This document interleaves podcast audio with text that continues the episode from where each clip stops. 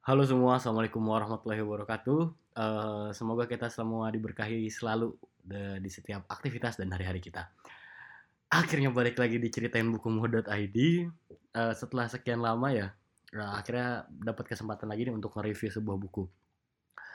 Nah, di sesi ceritain bukumu yang kali ini, saya bakal menceritakan sebuah novel lagi yang bisa bikin kamu bangun dalam tanda kutip dan lebih peka terhadap sesuatu yang eh, juga bisa membuat diri kita peka terhadap diri sendiri. Bedanya, sekarang bukunya adalah karya dari penulis Indonesia dengan nama pena Dilestari. Pasti tahu dong. Kalau misalkan belum tahu, coba deh cek di Google atau cek langsung aja karya-karyanya karena dia keren banget. Buku ini sempet fenomenal banget sih. Jadi kalau nggak salah juga bahkan pernah dijadi film pernah jadi film gitu. Cuman saya belum pernah lihat filmnya sih. Eh, dan buku ini juga sudah diterjemahkan dalam berbagai bahasa. Yaitu bukunya adalah jeng jeng jeng jeng jeng Supernova. Buku ini genrenya itu apa ya? Fiksi sih, tapi nggak romance. Eh tapi sebenarnya sih ada romansnya ya. Ya terserah lah ya, ini buku apa jenisnya. Tapi sekali lagi, ini buku yang jadi salah satu mata ketiga mata ketiga? Apa ya? Bukan mata ketiga. Ya pokoknya sebuah mata lain selain mata yang kita punya sekarang terbuka. Sehingga sadar atas hal-hal yang sebelumnya tuh belum kita sadari. Yang berbeda dalam sesi ceritain bukumu kali ini nih eh, adalah saya nggak megang fisik bukunya secara langsung nih. Yang saya pegang adalah jiwanya. Aja nggak nggak nggak tapi eh, saya baca lewat dari ebook yang disediakan oleh Perpustakaan RI melalui aplikasi Ipusnas. Udah tahu belum nih? Jadi Perpustakaan RI ini punya aplikasi Ipusnas yang bisa kalian download langsung di handphone kalian.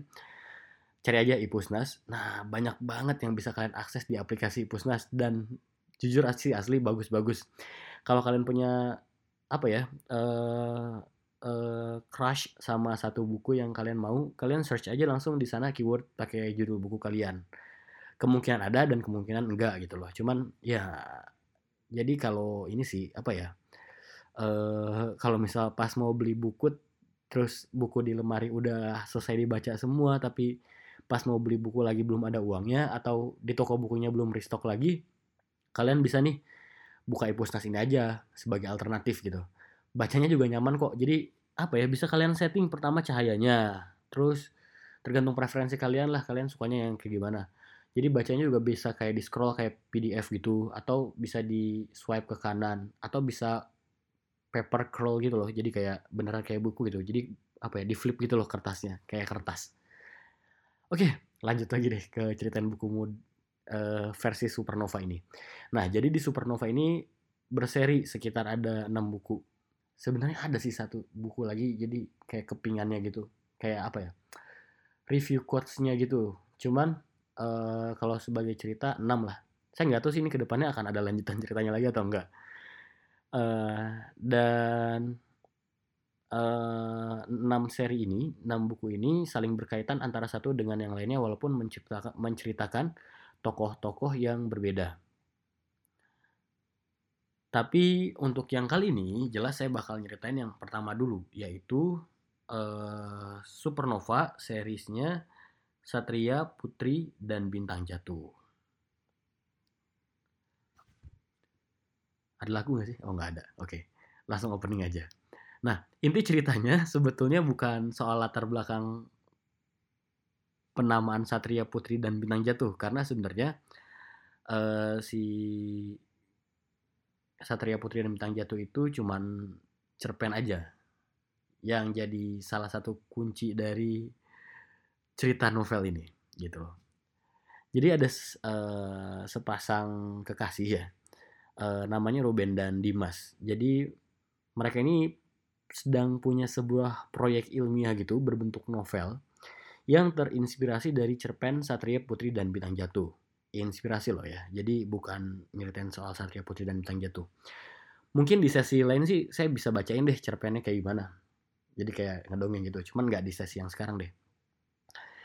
Singkat cerita, latar belakang Ruben ini semacam akademisi gitu. uh, sementara si Dimas itu anak sastra banget. Ruben ini kalau nggak salah dosen kalau diceritainnya ya. Dan uh, kawinlah dua pemikiran yang menjadi sebuah cerita luar biasa. Dibanding ceritain soal alurnya, biar kalian penasaran juga uh, soal alurnya kayak gimana, saya mending cerita aja deh kalau untuk sekarang soal uh, apa yang saya dapat dari novel ini, biar apa ya, biar kalian baca sendiri aja soal alurnya. Secara menyeluruh, buku ini mengajarkan kita untuk berdiri di atas sepatu orang lain atau memakai perspektif orang lain nih yang mungkin belum pernah kita coba atau belum pernah kepikiran sebelumnya. Kayak misalkan memakai perspektif uh, hmm, seorang pelacur atau juga pakai perspektif uh, positif dari perselingkuhan antara seorang istri dengan kliennya. Aduh. Ini sebenarnya aduh, gila sih ini seru banget sebenarnya. Uh, jadi kayak oh ternyata ada perspektif kayak gini ya.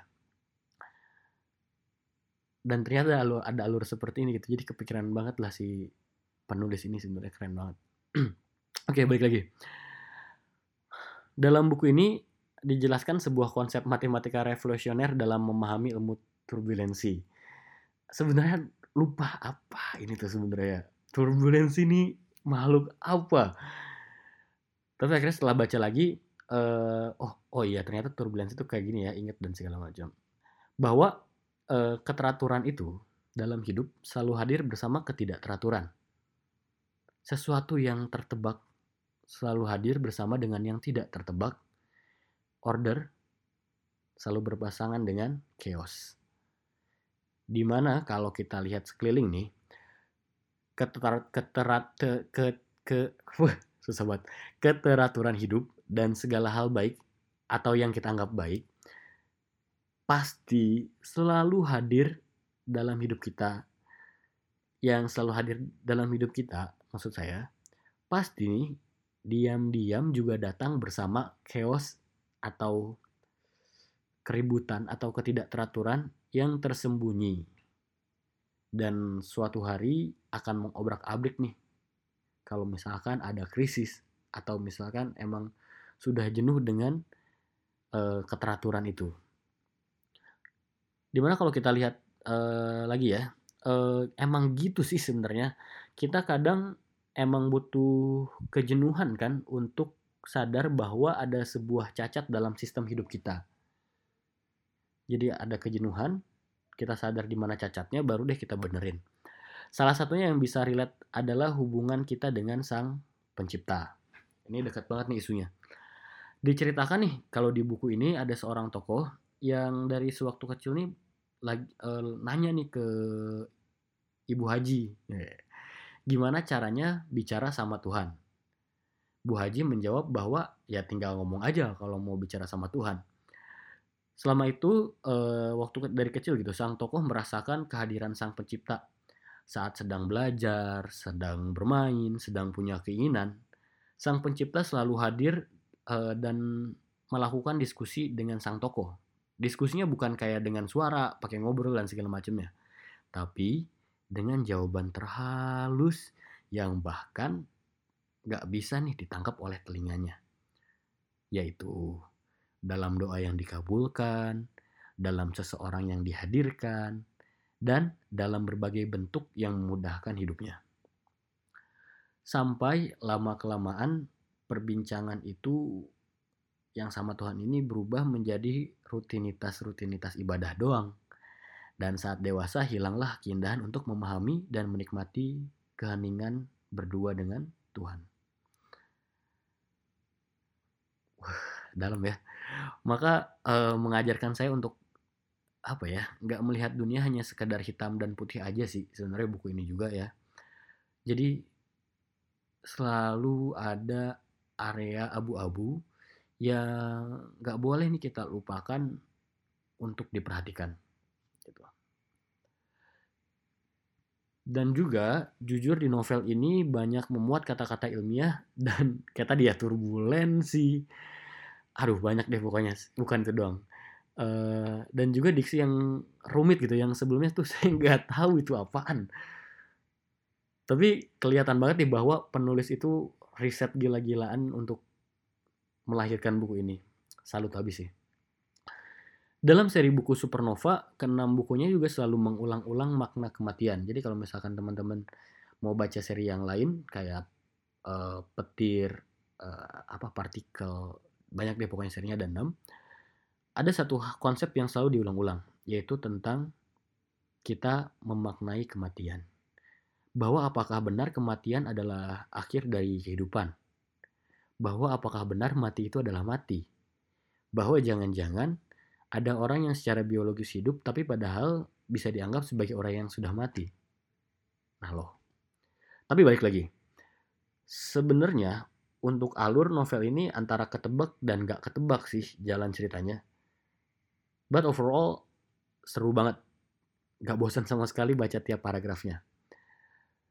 Nah udah deh pokoknya begitu dulu aja. Uh, teman-teman bisa langsung baca bukunya baik beli langsung aja di toko buku atau bisa download di Ipusnas dan baca di Ipusnas langsung. Uh, kalau buku ini sebenarnya uh, ada dari tahun 2012 ya cetakan pertamanya. Tapi untuk seri selanjutnya, kalau nggak salah selang berapa tahun gitu, agak cukup lama untuk sampai ke seri selanjutnya.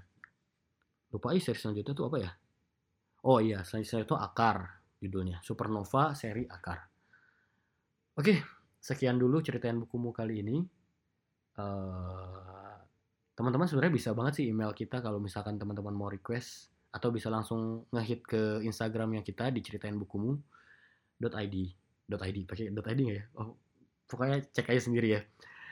Oke, semangat terus teman-teman uh, dan jangan lupa terus mengilhami dan memberikan gizi kepada otak kita untuk memaknai kehidupan ini karena hidup cuma sekali dan sayang banget kalau misalkan uh, kita jalani dengan biasa-biasa aja. Jadi ayo kita nikmati seluruh hidup ini dan siapkan kematian kita dengan memberikan gizi terbaik pada otak, jiwa, dan raga kita. Oke, terima kasih. Sampai jumpa di ceritain bukumu selanjutnya.